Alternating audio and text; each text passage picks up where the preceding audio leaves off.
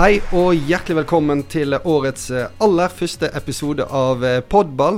Et eh, nytt fotballår står for tur, og i dagens episode så skal vi ta for oss det som garantert blir en av de store snakkisene i fotballsesongen 2023, nemlig innføringen av VAR i Eliteserien. Og til å hjelpe oss med å få et lite innblikk i denne prosessen, så har vi et meget kompetent panel her, vil jeg si. Har dommersjef i NFF, Terje Hauge og Fifa-dommer Espen Eskås. Hvordan velkommen skal dere være begge to? Ja, tusen takk. Tusen takk. Du, Før vi dykker inn i VAR-materien her, så tenker vi bare skal snakke litt eh, rent dommer, eh, litt sånn dommerprat her i starten. Eh, Terje, veldig mange kjenner deg nå som dommersjef her i NFF. og men de eldre lytterne de husker deg sikkert som dommer òg, men det er ikke det sikkert de yngste lytterne våre eh, gjør. Kan ikke du ta oss med litt tilbake i tid og fortelle litt om, om dommerkarrieren din òg? Ja, helt tilbake til jeg var 16 år. Jeg tør ikke å telle år, men, men i hvert fall 16 år så spilte jeg fotball og dømte fotball og var fotballtrener. Og eh, litt tilfeldighetene ble til at jeg tok dommerkurs. Det er en litt lengre historie som ligger bak som ikke vi tar i dag. Og eh, når jeg etter hvert eh, dømte fotballkamper, så fikk jeg gode tilbakemeldinger. Følte som 16-17-åring at oi, jeg mestrer noe. Jeg får gode tilbakemeldinger, og så sitter jeg her i dag. Og eh, helt i starten, når man kom opp i en alder av 18-19-20 år, så var det mer på hobby.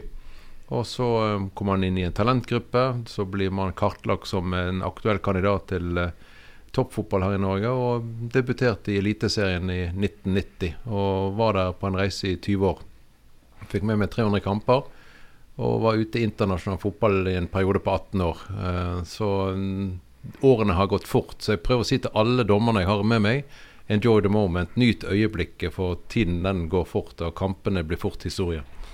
Du har dømt eh, mesterskap, du har dømt Champions League-finale, som er en enorm eh, prestasjon i seg sjøl. Eh, har du noe, noe, høydepunkt som du kan dra ut av en, en lang dommerkarriere? Ja, det, det, er mange høydepunkt, men kanskje det sånn som slår meg først, det er jo eh, semifinale mellom Real Madrid Juventus. Eh, corner, retur ut, Carlos skyter. Ballen går i mål, midt oppi vinkelen, og så har min assistent om å tatt flagg opp. 90 000 venter nå på en avgjørelse. Blir det godkjent, eller blir dette offside? Og jeg òg tenker hardt. Hva gjør jeg nå? Og jeg løper ut til uh, min assistentdommer. Og på veien bestemmer meg at uh, er det offside han har vinka på, så godkjenner vi likevel målet, og så løper vi til midten. Og da har jeg Zidane løpende ved siden av meg opp til min assistentdommer akkurat dette øyeblikket når Zidane løper ved siden av meg og skal prøve å fortelle til meg hva som er rett og galt, det er sånn øyeblikk man aldri glemmer. det. Ja, hva går gjennom hodet ditt eh, egentlig i et sånt helt enormt øyeblikk? Nei, det, Nå er vi litt sånn tilbake. I dag tror jeg vi alle sammen hadde godkjent målet uten problem i forhold til at offside-reglene har blitt mer spesifisert eh, og fått kriterier på seg som gjør at dette er eh, ikke offside. Men tre spillere i offside-posisjon tett til hva skal vi si, målvakt inne i straffesparkfeltet var det en gang offside. Men likevel så står du bak og ser at um, det forstyrrer ikke keeper. De står uh, i god distanse til keeper. Dette målet må vi godkjent. Dette, så Fotball forventer at dette skal bli mål. Så det gikk gjennom mitt hode og sa at nei, vi går ut og godkjenner. Det gikk ennå to uker etter kampen før Uefa gikk ut med en bekreftelse at riktig avgjørelse av dommer i denne kampen. her. En god følelse? En god følelse, men måtte vente to uker på den gode følelsen. Ja. Espen, jeg tipper du er som ung gutt og yngre enn hva du er nå. Jeg husker Terje som dommer. Var det med å inspirere deg? 100% og det er jo morsomt å høre inngangen til dommergjerningen hos Terje, for den er jo skremmende lik min. Altså 16 år, eh, fotballspiller, eh, elsket å, å, være på fotballbanen. Eh, jeg var nok sikkert en dårligere spiller enn det Terje var, så, så det var jo på en måte de svake ferdighetene som innhentet meg og, og gjorde at jeg etter hvert måtte liksom legge leggskinn på hylla og heller finne frem kort og, og fløyte. For det, det, var liksom det var, det var, noe hos meg som sa at jeg ikke hadde lyst til å gi slipp på eh, gleden vi har på fotballbanen. Og da ble på en måte inngangen til dommergjerningen, min uh, bane videre. Og uh, det var akkurat som Terje, lommepenger i starten som var veldig greit. Eh, og så hadde man kanskje et sånn snev av talent som man eh, bygde videre på, fikk gode tilbakemeldinger.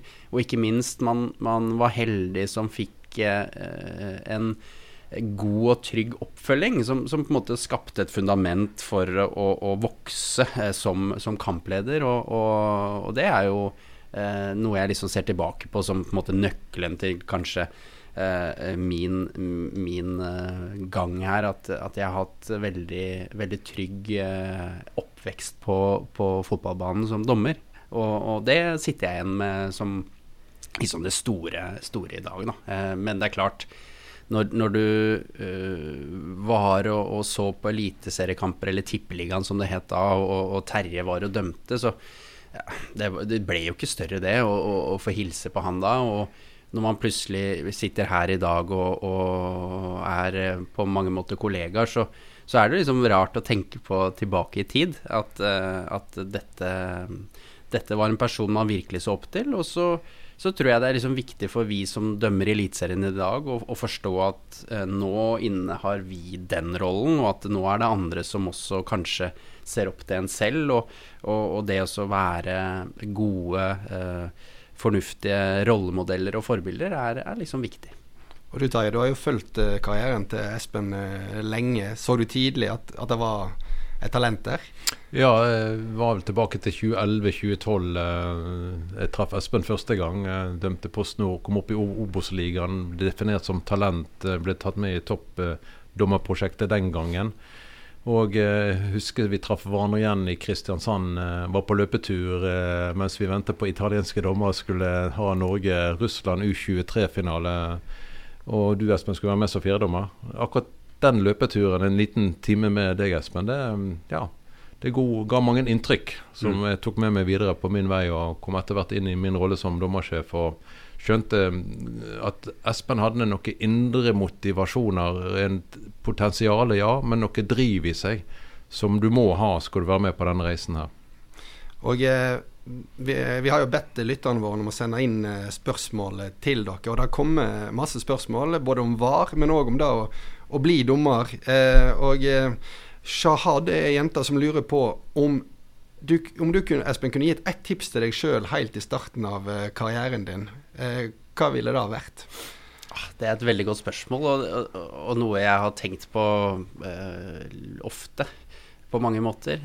Jeg tror jo som for min egen del, og det her er sikkert veldig individuelt og fra dommer til dommer, hva, hva man kanskje burde lagt enda mer fokus på. For min egen del så, så hadde nok det vært vært enda mer dedikert i treningsarbeidet eh, og hatt et mye mye mer struktur rundt uh, trening og kosthold. Uh, for det, det, har jeg i dag. Uh, men jeg er overbevist om at hadde jeg liksom startet med det på et tidligere stadie, så hadde jeg hatt en kropp som hadde vært enda mer robust.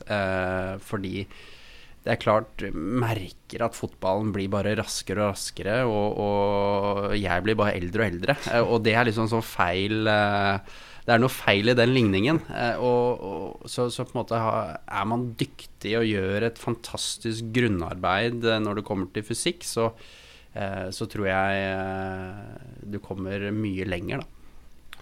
Jeg tenkte Et spørsmål til deg, Terje. For Espen han har et ganske enkelt spørsmål. Hvordan kan jeg bli fotballdommer? Hvordan kan man bli fotballdommer? Ja.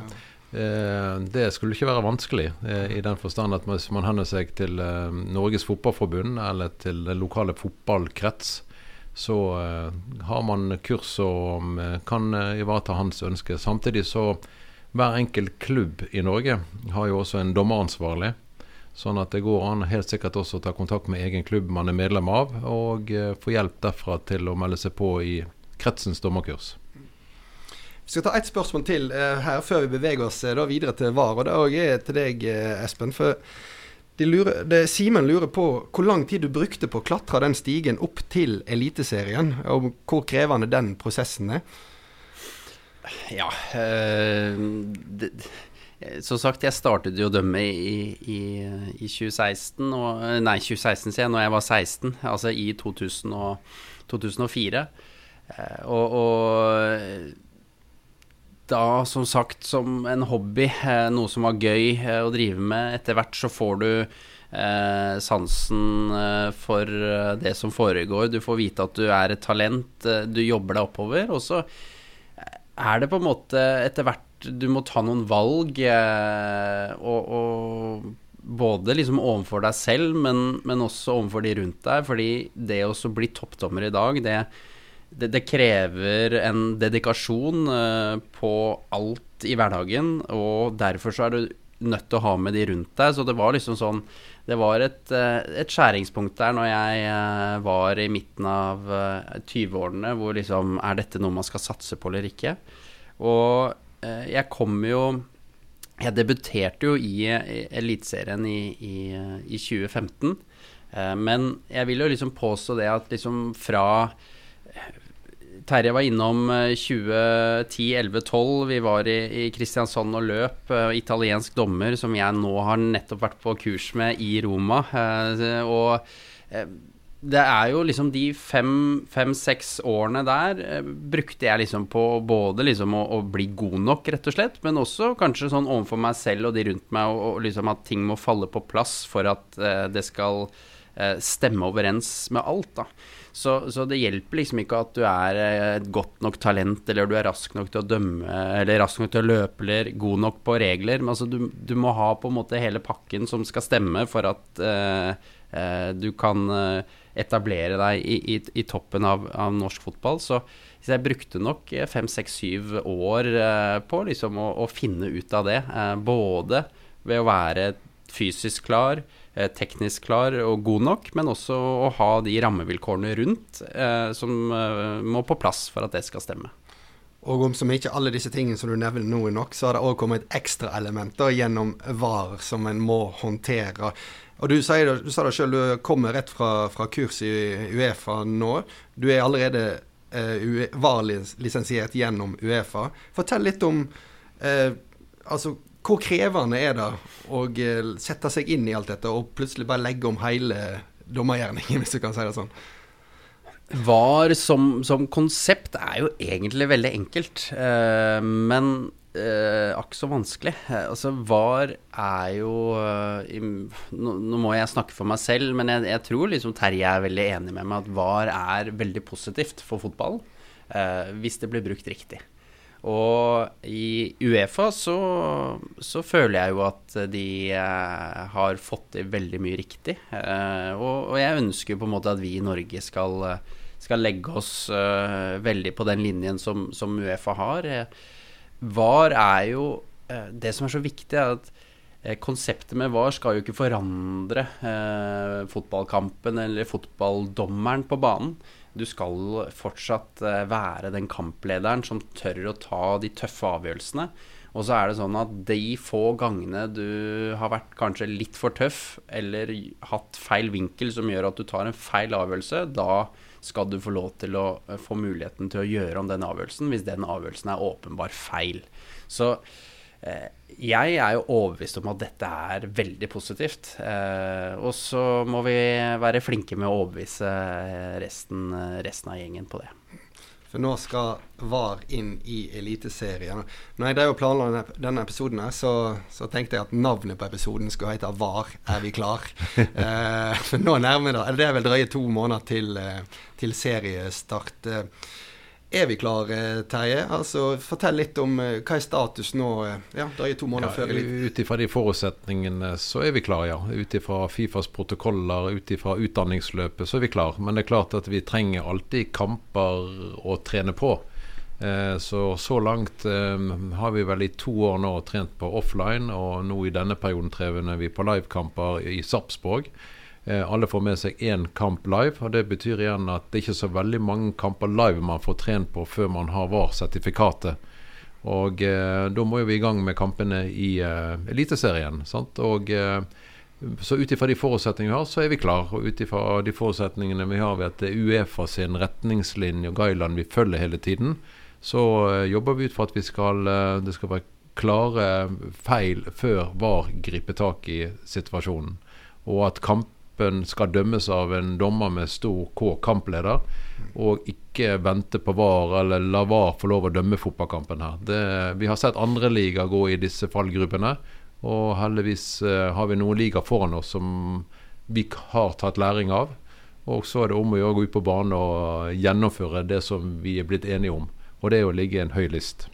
Ja, for Det er jo ingen tvil om at uh, liga som har gått før oss, at det har vært hva skal vi si, vanskelige oppstartssesonger uh, for dem. Har man lært noe uh, av ja, de ligaene som har gått foran, og, sånn at en kan unngå I hvert fall i stor grad, og det vil jo alltid være oppstartsproblemer. Det vil helt sikkert være startutfordringer for oss òg, men vi har i hvert fall sett andre ligaer hvordan de kommer i gang. og Ligges litt, lista litt for lavt. Man begynner å dømme fotballkamper som var så blir det si, mange stopp i, og det blir mye tid. Og det vil skape irritasjon.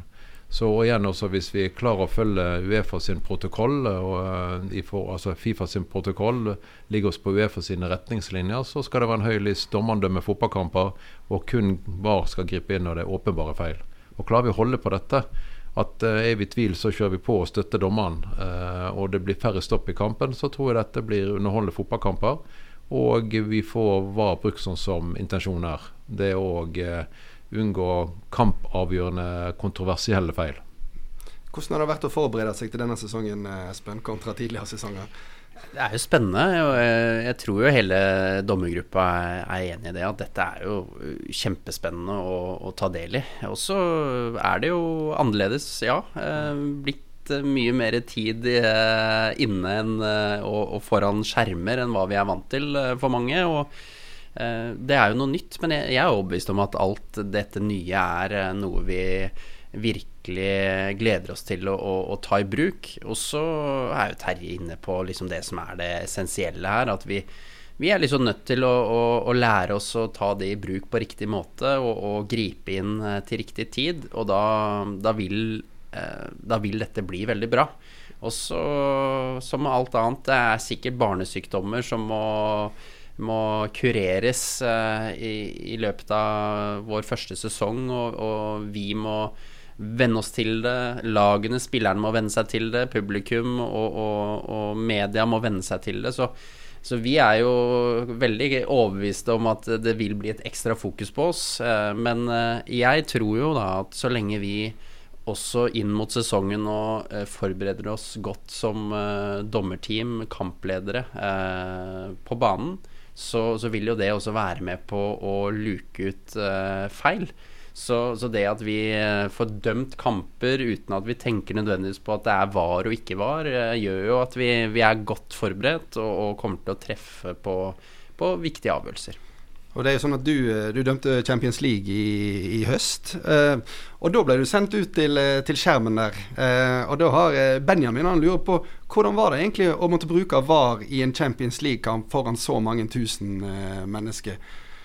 Ja, det er nesten sånn at du, du har glemt det litt, hvordan, hva du tenkte og følte der og da. Men jeg, jeg tror jo at når, når, når, vi kommer på et eh, Når vi har dømt såpass mange kamper, eh, så, så, har det ikke så mye å si om det er 5 eller 50 000 tilskuere. Du, du, er nok inne i sonen din og boblen din. Og eh, så lenge vi klarer å ha fokus på det vi skal ha fokus på, så, så klarer vi på en måte til en viss grad å luke ut eh, det som er av ytre støy og ytre på kjenningsfaktorer, da. Eh, men det er klart, du, du, du kjenner jo litt ekstra på det når det, når det er VAR, det er en on-field review, det er debuten din, eh, sånne ting. Men eh, så lenge det er gjort gode forberedelser i forkant Jeg hadde jo med en polakk og, og en brite i VAR-rommet som, som, på en måte vi hadde lagt en kjøreplan på hvordan vi skulle kommunisere, hvordan vi skulle samarbeide. Så så jeg var likevel veldig trygg på, på, hva som skulle skje, og vi var veldig Vi hadde en veldig ryddig kommunikasjon og et veldig godt samarbeid. Så, så det bidrar jo til at skuldrene var veldig lave. Selv om uh, jeg skjønner jo at det er veldig press der og da. Mm. Men det er sånn at du går ut på banen, og så rekker du å tenke at ja, jeg veit i dag er det var, men jeg håper ikke det skjer en var-situasjon der jeg må ut i den skjermen, for da har jeg ikke gjort så mye før. Det, du Altså Nei, jeg, jeg, tror jo hvis øh, Det kan godt hende at noen tenker sånn, men, men jeg, jeg, er overbevist om at det, øh, det er en litt sånn feil defensiv inngang. Ja. Uh, Jeg håper jo at vi eh, eliteseriedommere går ut på banen og angriper kampen og, og er eh, tøffe og sultne på å ta eh, fantastisk gode avgjørelser. Og så er det heller sånn at uh, hvis jeg skulle bomme, så er jeg heldig som kan bli, uh, få hjelp. Istedenfor at man blir defensiv og passiv og, og føler på den åh, nå må jeg ikke bomme, for da må jeg kanskje ut på en skjerm. Da, da tror jeg sjansen for at du bommer, er litt større. Så, så jeg tror det er liksom viktig at vi vi, vi, er offensive i tankegangen, i hodet, og er liksom framme i tærne og ønsker å, å ta tak i, i, kampen og styre kampen som kampleder eh, på banen. Jeg vil bare tillegge, jeg er helt enig med Espen. Vi må være offensive, framme i skoene og dømme god fotball som kampledere. Og så har jo jeg litt erfaring fra mine unge dager. at Det er ikke få ganger jeg har tenkt Tenk hvis jeg kunne gått ut og sett på skjermen nå. Kontroversielle situasjoner de løper rundt deg. Du blir omringet av spillerne her som påstår at det var hands. Eh, det skulle ikke vært godkjent mål her. Tenk hvis jeg kunne gått ut på skjermen og bare tatt en liten titt og bare Ja, det er det faktisk. Vi må inn og annullere dette målet. Så uh, dette verktøyet i 2023, ja, det er velkommen til norsk toppfotball eliteserien. Ja, for da, da tenkte jeg sjøl på når jeg hørte Espen snakke, altså, og tenkte på din karriere. Er det, altså, det må jo ha vært mange situasjoner som du sier, der uh, der VAR hadde vært, uh, hadde vært en, en, solid støtte å ha. da ja. ja. Før liksom i min avslutning av karriere så var mobilen kommet, og tilskuere satt oppe også på mobil, og jeg var ute på banen her og hadde ikke noen teknisk Nei. tilgang til noen ting. Så ja, i 2023 med teknologi og alt vi har tilgjengelig, så er tiden inne til å bruke hjelp av skjerm, men på en riktig måte. Og så har vi sett VAR blitt løst forskjellig i forskjellige ligaer. Dette er et stort spørsmål, men kan du prøve å gi lytterne våre et lite innblikk i hvordan vil VAR bli i Norge? Hvordan vil det se ut? Vi har jo gjentatt dette noen ganger, men det, det viktigste nå det er å ligge lista høyt. Forutsetningen er at dommerne ute på banen gjør jobben sin, er offensive og tenker at nå skal vi ut og være frempå. Og så eh, ta tøffe avgjørelser. Og så eh, skal VAR kun gripe tak i når det er eh, åpenbare feil. Som eh, går inn for en protokoll knyttet til mål, ikke mål. Eh, straffespark, ikke straffespark. Eh, røde kort, altså taklinger, og gjerne identifisering av spillere som får gule kort og røde kort. At det er riktig spiller som får dette holde oss innenfor protokollen og igjen åpenbare klare feil, så skal igjen, hvis vi klarer å ligge i denne lista her, så vil vi få et sjekk, eh, tre-fire-fem sjekk hver fotballkamp. Eh, men kanskje kun i hver 15. situasjon så anbefaler vi dommerne på en on-field review til at de må omgjøre situasjonen.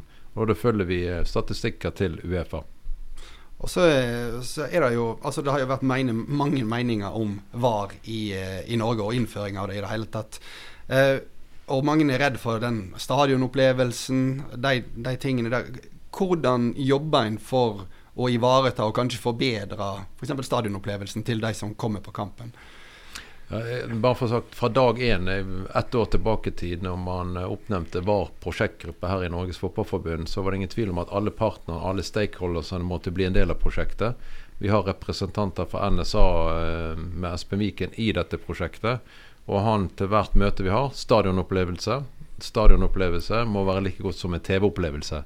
Og Det jobbes det etter. Eh, det blir kanskje vanskelig å realisere det, men ved hjelp av storskjerm så ønsker vi å formidle ut etter at avgjørelsen er tatt, uh, alt fra informasjon om at nå er det varsjekk, hvilken type varsjekk, og igjen når en avgjørelse er tatt av hoveddommeren, at da kan vi få se oppe på skjermen, storskjerm, uh, grunnlaget for den avgjørelse som er tatt. Og dette er med å igjen skape en stadionopplevelse for de som er på stadion. Ja, for eh, vi har en, eh, en, person som faktisk kaller seg for Kjekk-kar eh, her på Instagram. Han eh, spør eh, vil publikum kunne se noe annet på storskjerm enn at VAR sjekker hendelsen. Det er planlagt at etter hendelsen er sjekket, etter at, var, eh, altså etter at dommeren har tatt en konklusjon, så skal det kunne vises på storskjerm, ja. Gjør det noe med din opplevelse som dommer at hendelsen blir hva skal jeg si, offentliggjort for, for hele arenaen? Vi er jo vant til uh, at uh, det går repriser uh, av situasjoner på, underveis i kampen. Og det er jo gjerne sånn du er usikker på en offside-avgjørelse, og så vet du at den blir sendt uh, på storskjerm ti sekunder etterpå. Er det buing, så har du mest sannsynlig gjort feil. Og er det stille, så var den kanskje riktig. Uh, men jeg, jeg, tenker jo det er jo ufarlig all den tid uh, du står inne for den avgjørelsen du har tatt. Så, så, er det jo egentlig like greit at alle får på en måte grunnlaget for avgjørelsen. Eh, så det er jo ufarlig eh, på mange måter. Og, så tror jeg vi også må være med på uh, den utviklingen som, som er nå. Og vi må være litt framme i skoa og tørre å by litt på oss selv. Være med på å rett og slett bidra til at produktet uh, blir lukrativt. Og, og, hvis dette er med på å få folk på stadion, så, så har, ønsker vi å være med på det. For det, det, er jo ingenting som er bedre enn å dømme på, på stadioner som er fulle eh, og med god stemning. Så, så derfor så, så, ønsker vi å bidra til eh, at stadionopplevelsen blir bedre. Og så må det selvfølgelig være innenfor for rimelighetens grenser i forhold til hva, hva, vi ønsker å være med på. Men så ser vi jo det, det i dag, og, eller i går, foregårs, uh, klubb-VM, hvor, hvor, de prøver ut noe nytt med hvor, hvor dommer er mikket opp og, og gir en begrunnelse for, for uh, VAR-sjekken og den avgjørelsen som er tatt. Og det er klart, mer og mer av dette her vil vi jo, vil vi jo på en måte se i fremtiden. Og så må vi bare jeg, jeg, tenker vi, vi, må liksom skynde oss forsiktig og, og ta én ting av gangen. Uh, men, men uh, vi må tørre å by på oss selv. Det, det, tror jeg er viktig. Og det er jo en veldig spennende ting. Altså Som mediemann så kjenner jeg jo liksom at jeg tenner litt på den der Altså, kunne en fått tilgang på dialogen mellom varrommet og hoveddommer? Altså, no, altså det ville jo vært et fantastisk TV-produkt. Eller et, du ser Formel 1 der de har eh, tilgang mellom stallen og fører og sånn. Er dette noe en har diskutert i det hele tatt? Er dette noe vi kan, som kan bli aktuelt i fremtiden? Det kan bli aktuelt, ja. Eh, det blir ikke aktuelt live. Nei. Men det kan bli aktuelt i etterkant. Ja, At vi frigjør bilder med kommunikasjon for å skape igjen forståelse hvordan man kommuniserer med VAR, og hvordan uh, VAR kommer til sin beslutning, anbefalt uh, situasjon, og igjen hvordan dommer tar en beslutning på banen i kommunikasjon med VAR. Så dette kommer vi nok til å slippe opp flere klipp på etter hvert som sesongen kommer i gang. Og så er det jo sånn at uh, VAR i Norge er ikke en, et rent dommerverktøy. Dette er jo et stort prosjekt der du bl.a. jobber sammen med rettighetshaver TV 2. Kan du forklare litt hva det samarbeidet går ut på? Ja, det er jo veldig viktig å understreke dette er et fotballprosjekt. Ja. Og vi har VAR eh, prosjektgruppe med alle stakeholders, dvs. Si klubbene representert her. Norges Fotballforbund, TV 2, eh, eh DMC, supportere, NSO, altså NISO er her inne, spillerne. Så alle sammen drar i samme retning for å skape et et konsept som skal bli attraktivt, lukrativt for både seerne på TV og ikke minst på stadion. Og eh, jeg har jo sagt at dette, denne VAR-reisen Jeg har vært i fotball sikkert 30 år. Men jeg har aldri hatt så mange spennende møteplasser så de siste årene med VAR som tema. Men likevel så snakker vi om konseptet Eliteserien. Hvordan skal vi skape noe lukrativt, slik at eh, ja, publikum kommer til stadion og vil være med på denne reisen her. Der VAR er en liten brikke av et stort konsept. Får gjerne mye oppmerksomhet i 23. Men det er likevel fotballkampen to ganger 45 med gode fotballspillere, gode prestasjoner, gode fotballdommere som skal være fokus, og vil ta mer og mer fokus etter hvert som VAR finner sin plass. Føler du at, eh, at samarbeidet mellom rettighetshavere, rettighetshaver, som sikkert har eh, veldig mange innspill og ønsker om hvordan de vil dette skal fungere. Og dere som eh, faginstans, for å si det sånn, eh, føler du at dere klarer å Ja da. Ja. TV 2 har vært på banen med flere anledninger og ytret sine ønsker om sendeflater og dommerens stemme inn i dette her. Men vi er alle enige om at vi må skape trygghet i bunnen. Og komfortabelhet i bunnen og faglighet i bunnen før vi kan gå ut på alle sendeflater som rettighetshaver ønsker her. Så vi er gode dialoger her, og har hatt også møter i dag internt i Norges Fotballforbund med dommergruppen og kommunikasjon for hvordan vi skal imøtekomme ønskene som er der ute fra da, spesielt rettighetshaver TV 2. Så jeg hørte deg, Espen, snakke tidligere om eh, hvor viktig det laget, dommerlag, altså når dere er der ute som et lag og skal prestere, hvor viktig den følelsen er, og det samholdet. Eh, hva gjør det da når eh, dere hekter på et varom i, i tillegg? Bare utvider en lag og blir samme enheten, eller hvordan opplever du den, eh, den forandringen der? Ja, eh, det er vel enkle svaret på det. Ja. at, eh, at, det er jo rett og slett bare enda flere teammedlemmer. Og, og, det er kjempeviktig. Altså, I, i VAR-rommet så sitter det da tre stykker. En som er VAR, en som er assisterende VAR, og en videooperatør. Og videooperatøren har jo for så vidt nødvendigvis ikke den samme eh, tekniske dommerbakgrunnen som, som, var og avvar, men, men, er likevel et fullverdig teammedlem inn i, i, i den kampen. Og det er eh, igjen alfa og omega eh, skal vi lykkes med kampen. At eh, teamet i sin helhet fungerer. Og da er jo forberedelser før kamp å gå opp kommunikasjonsform og samarbeidsform. Hvem har ansvar for hva? Når ønsker vi kommunikasjon? I hvilke situasjoner skal vi samarbeide på og ikke? Når skal assistentdommer vinke og ikke? Altså Alle disse tingene er utrolig viktige å, å, å, å gjennomgå før kampen. og det er rett og slett eh, et fullverdig team. Eh, det er ikke ett team på banen og ett team i, i, i eh, VAR-rommet, og så er det om å gjøre å gjøre minst mulig feil.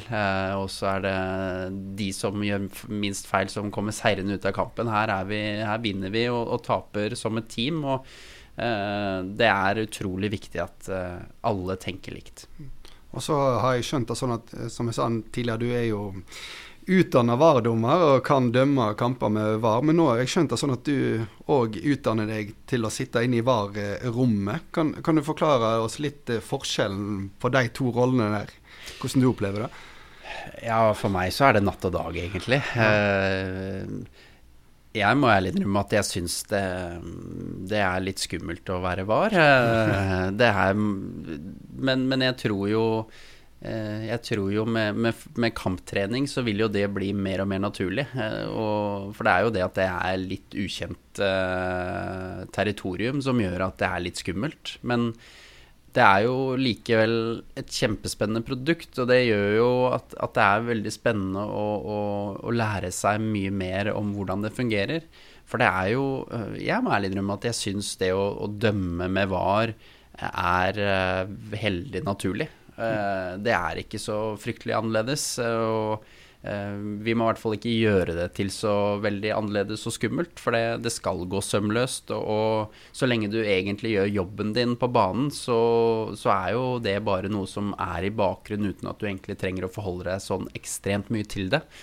Eh, men når du er var, så er det jo en forventning om at du får med deg absolutt alt. Da. Eh, så, så, du er nødt til å, å, jobbe for å være konsentrert gjennom hele kampen. Og jeg merker jo det at når du, når du skal liksom sitte stille, eh, men likevel være framme i skoa, så, så, er det en øvelse som, som ja, vi, vi, vi, må trene på det, rett og slett. Og eh, det går ikke helt av seg selv. og Eh, det er utrolig viktig å, å være liksom eh, skjerpa og ha et veldig godt teamsamarbeid når du, de tre som sitter der og, og, følger med, for at vi klarer å avdekke alle disse feilene. For det er jo klart det er jo utilgivelig å ikke få med seg åpenbare feil når vi har muligheten til å se ting flere ganger på skjermen. Så hvis jeg oppfatter det riktig, så, så foretrekker du fortsatt å lede kampene ute på Ja, enn en, en så lenge, i hvert fall. Ja. Men hvordan legger du til i den kabalen der? Er det sånn at du ser typer som passer klart best å lede matchene ute på matta, og så er det plutselig noen som er steingode til å sitte inne i varerommet og eh, eh, og få med seg alt som skjer der. Eh, det, ja. Eh, ja. Må du nesten begynne å se etter forskjellige kvaliteter? Ja da, absolutt. Eh, du er inne på noe vesentlig nå. Mm. Eh, vi går veldig bredt ut her i Norge. Utdanne hele dommergruppen vår, og alle skal få lov å prøve i de forskjellige roller. Og så må vi finne, som du er inne på nå, hvem egner seg ute på banen. Hvem dømmer gode fotballkamper? Hvem ligger høy kvalitet i kampene som gjør til at eh, blir få situasjoner å diskutere etter kampene. Og igjen, hvem tar rommet, hvem tar VAR-kommunikasjonen, og hvem gjør teamet i VAR-rommet god. Og så vil man etter hvert gå opp grupperinger der noen er kun ute på banen, noen er kun inne i VAR-senteret. Og eh, så har vi de som vil ha begge roller oppi dette her. Så må vi huske på spill, nei, unnskyld, dommere som måtte være skadet. Har gjerne vært vekke fra miljøet, men nå blir man en del av miljøet. Er nede på VAR-senteret.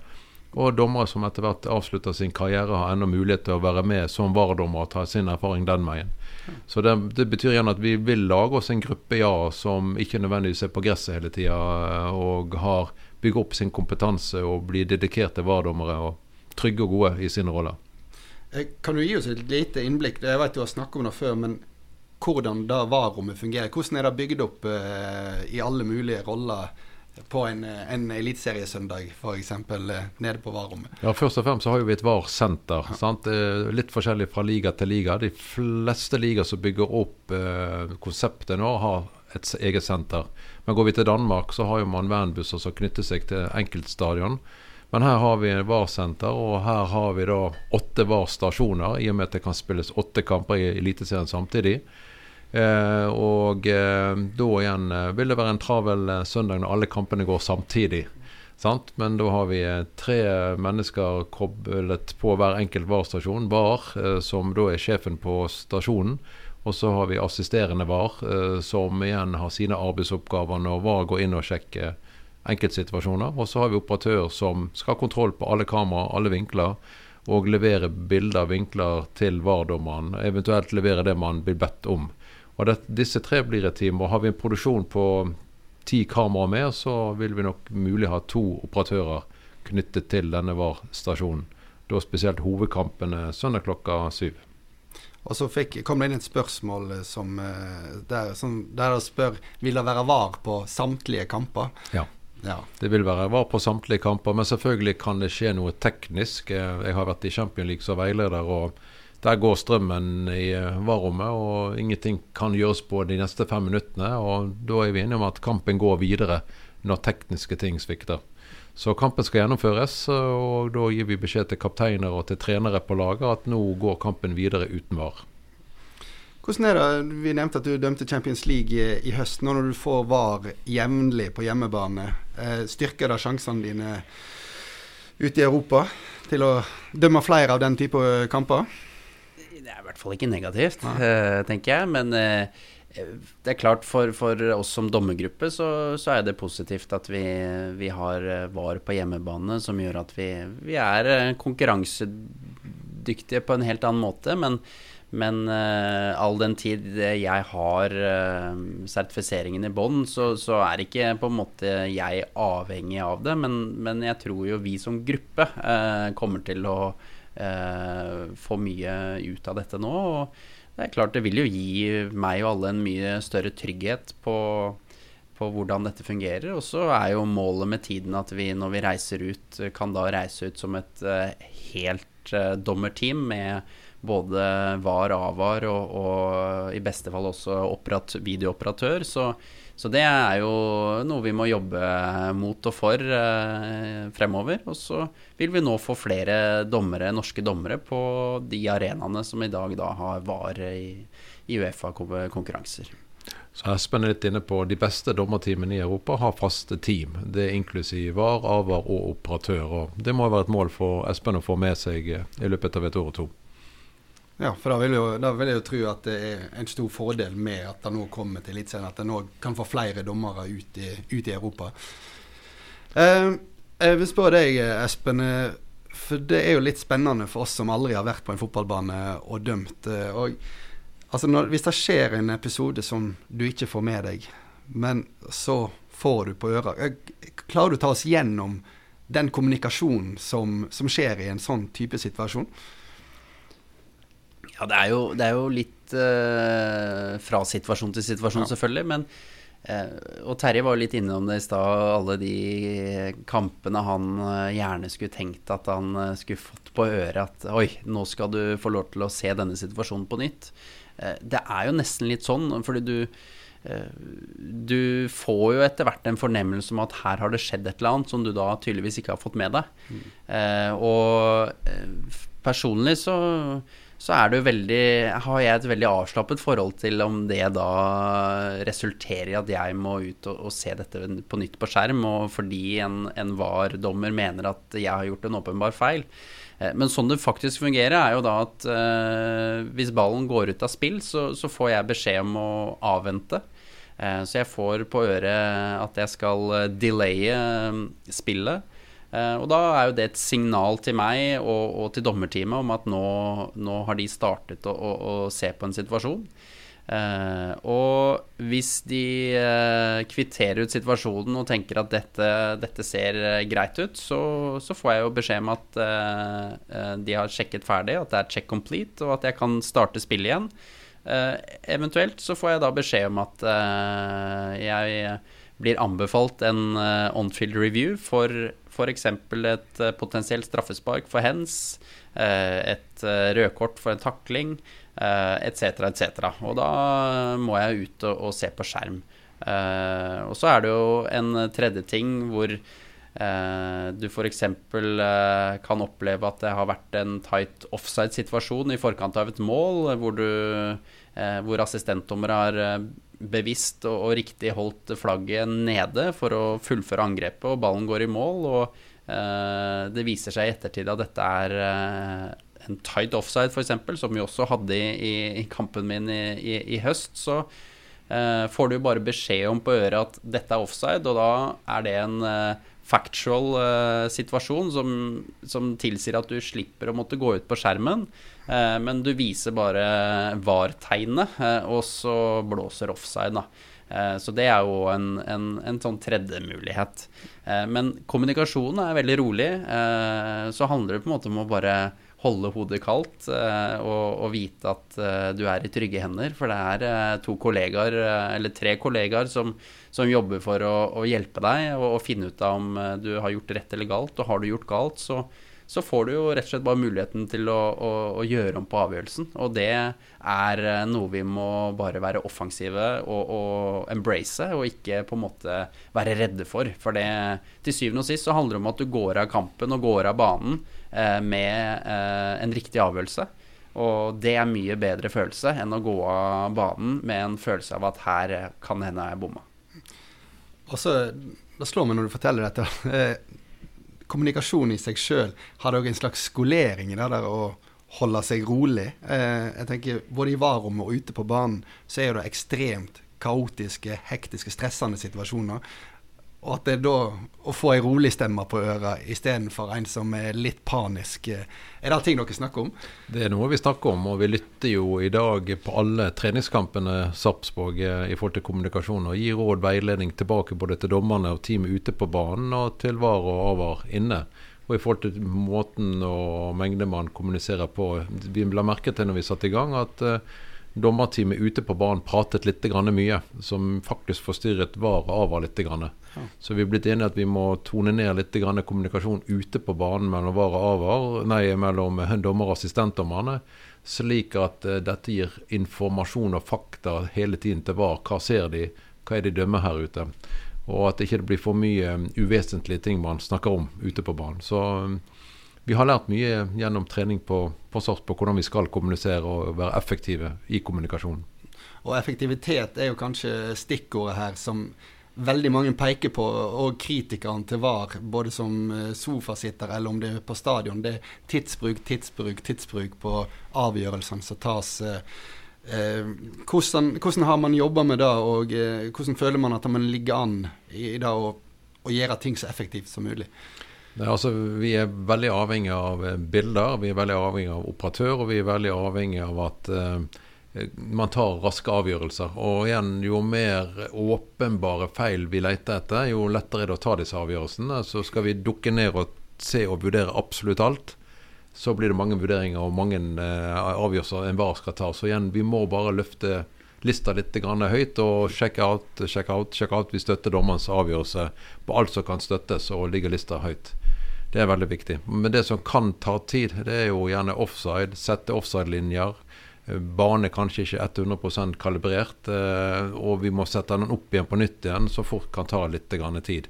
Så eh, dette er jo noe som vi jobber med med alle våre operatører i forhold til trening, trening før vi setter i gang Eliteserien eh, 23. Og vi ser det tilbake til Danmark, at offside og offside-linjer er det som tar tid.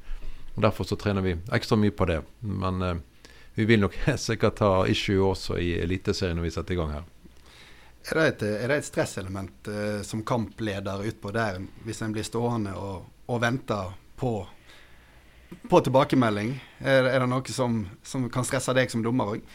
Ja, det tror jeg. Eh, selv om du ikke ønsker å innrømme det, så, så, er nok det en potensiell stressfaktor. Og så er jeg jo overbevist om at jo flere kamper eh, vi alle får, jo, jo bedre trent blir man jo på det. Og så er jeg jo enig med Terje at det er jo det er nok uh, offside-situasjoner som, som, er tighte, som, som blir eh, kanskje en sånn tidstyv uh, i starten, i hvert fall. og så er det viktig å påpeke at vi, vi, har sett i VM, vi har sett i, i Champions League hvor, hvor offside-avgjørelser blir tatt veldig raskt. For der blir det jo benyttet semiautomatiserte offside-linjer og offside-teknologi som, som, gir deg et Eh, et svar eh, innen eh, få sekunder. Og, og, det har ikke vi i, i Eliteserien enda. så, så derfor så, så, er det liksom veldig viktig at også publikum er tålmodige i den forstand at de ikke forventer en, en like rask avgjørelse som vi så i, i, veldig mange av kampene i, i VM og, og, som har vært i Champions League i denne sesongen her. Og Det er jo helt naturlig at uh, som vi snakket om tidligere, at det kommer til å være ting som er vanskelig i den første perioden. Sånn. Er man forberedt på det, det, som selvfølgelig det kommer til å komme kritikk, og folk kommer til å si det var dette vi sa. Er man forberedt på den situasjonen der? Ja, det er vi forberedt på. Eh, heldigvis så ligger det liga, flere liga, 25 liga i Europa foran oss. og vi henter erfaring, henter kunnskap, og det er vel ikke én liga av de 25 som har noen fallgruver på veien første året sitt. Så vi vet at det kommer. Mm, og så må vi bare be alle som er glad i norsk fotball, å gi oss litt tid til å erfare, trene og finne de rette på banen, finne de rette inn i varerommet, og på den måten jobbe for kvalitet. Og så er Det jo mange, det var mange som sendte inn spørsmål om det òg. Og i forlengelse av det vi snakker om nå, hvorfor trenger vi VAR i norsk fotball? Eh, norsk fotball eh, Jeg nevner akkurat her 25 liga i Europa har VAR. Det er ti liga som holder på med etablering. Så i løpet av et par år nå så har vi 35 liga i Europa. Og fotballen generelt har en ekstrem Det er jo blitt business med store penger i omløp. Salg og kjøp av spillere, ansatte osv. Og, og igjen, eh, ett poeng eh, kan være det som står og faller på nedrykk. Ett poeng kan være det å stå og falle på gullet. Og da er det utrolig viktig at når vi kommer til 2023, tar tak i de verktøy og eh, lager konseptet som skal til for å gjøre det mest mulig rettferdig i forhold til konsekvenser dette gir. Altså, Vi begynner å nærme oss slutten her nå. men vil, Nå kommer dette til Eliteserien. Og så er det noen også som har spurt toppserien, hvordan ligger man an der i, med tanke på å innføre VAR i, i framtida? Ja, toppserien har vært med oss på hele reisen. Og før um, vi var, hva skal vi si, fikk bekreftet uh, hvordan ligaen ble satt opp her i Norge 23, så var vi enige om at vi utdanner våre kvinnelige toppdommere. Så vi har jo ti kvinnelige dommere med på denne reisen. her, Fem hoveddommere og fem assistentdommere for å forberede oss til toppserien. Eh, mest sannsynlig blir ikke det var i eh, toppserien 2023, men vi hadde en tankesett at blir det sluttspill, så skulle VAR inn i sluttspillkampen, playoff-kampene, helt på slutten av sesongen. Så eh, akkurat nå så ligger det vel kanskje cupfinalen kvinner til eh, høsten 23 eh, som eh, er mulighet til å ta VAR inn i kvinnefotball. Og så får vi se hva som skjer i 24. Espen, hva, hva er dine planer frem mot sesongstart nå? Eh, det blir jo å fortsette forberedelsene. Eh, nå eh, har, kommer jeg fra Uefa-samling nå hvor, hvor, du blir inspirert til å, å fortsette å, å, å, jobbe beinhardt mot de målene vi, vi har satt oss. Det er jo spennende å, å prate, om, prate, om, VAR der nede òg. Det er klart Uefa er jo veldig opptatt av dette. Og det er jo, om det ikke er eh, masse penger i norsk fotball, eh, så er det masse penger i europeisk fotball og, og de europeiske turneringene. og fra, fra, sommeren så, så, er det jo VAR allerede fra Q1 i, i Champions League-kvalifiseringen. Og, og, og, det sier liksom litt om hvordan Uefa satser med, med VAR videre. Og det er klart vi som, som dommergruppe òg ønsker jo norske lag inn i de europeiske turneringene. For det sier mye om standingen eh, for Eliteserien og, og, standarden på Eliteserien. Så Eh, så det viser jo liksom at eh, skal de norske lagene være konkurransedyktige der ute, så, så de, nå møter de VAR allerede fra, fra starten i, i kvalifiseringen. Så, så, VAR har på en måte kommet for å bli, det må vi bare erkjenne. Og så må vi jobbe beinhardt for å, å skape et produkt som, som, er fruktbart her i Norge. Da. For min egen del så, så, skal jeg jo ned til Marbella. Vi er jo heldige som, som får muligheten til å reise der sammen med de norske lagene. og å, dømme eh, treningskamper der nede under forhold som, eh, som er eh, noe bedre enn når vi ser ut på en snødekt Ullevål stadion i dag. Så, så, det blir jo kjempebra. Altså optimale forhold hvor vi også sammen med lagene får, får forberedt oss veldig godt.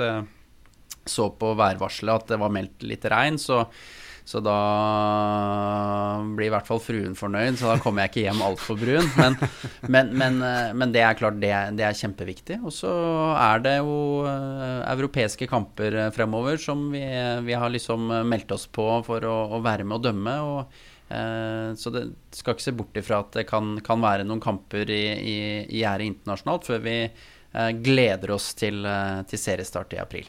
Ja, for da er vi her. Vi gleder oss til ja, å komme i gang. Ja, det gjør vi. Dette har vi venta på flere år, faktisk. Tilbake til 2017-2018, og VAR kom opp i, i hvert fall VM 2018. Så har det vært liksom sånn at når får vi dette til norsk fotball? Og mm. nå eh, teller vi ned faktisk på dager og måneder til eh, 10.4.23. Vi gleder oss virkelig.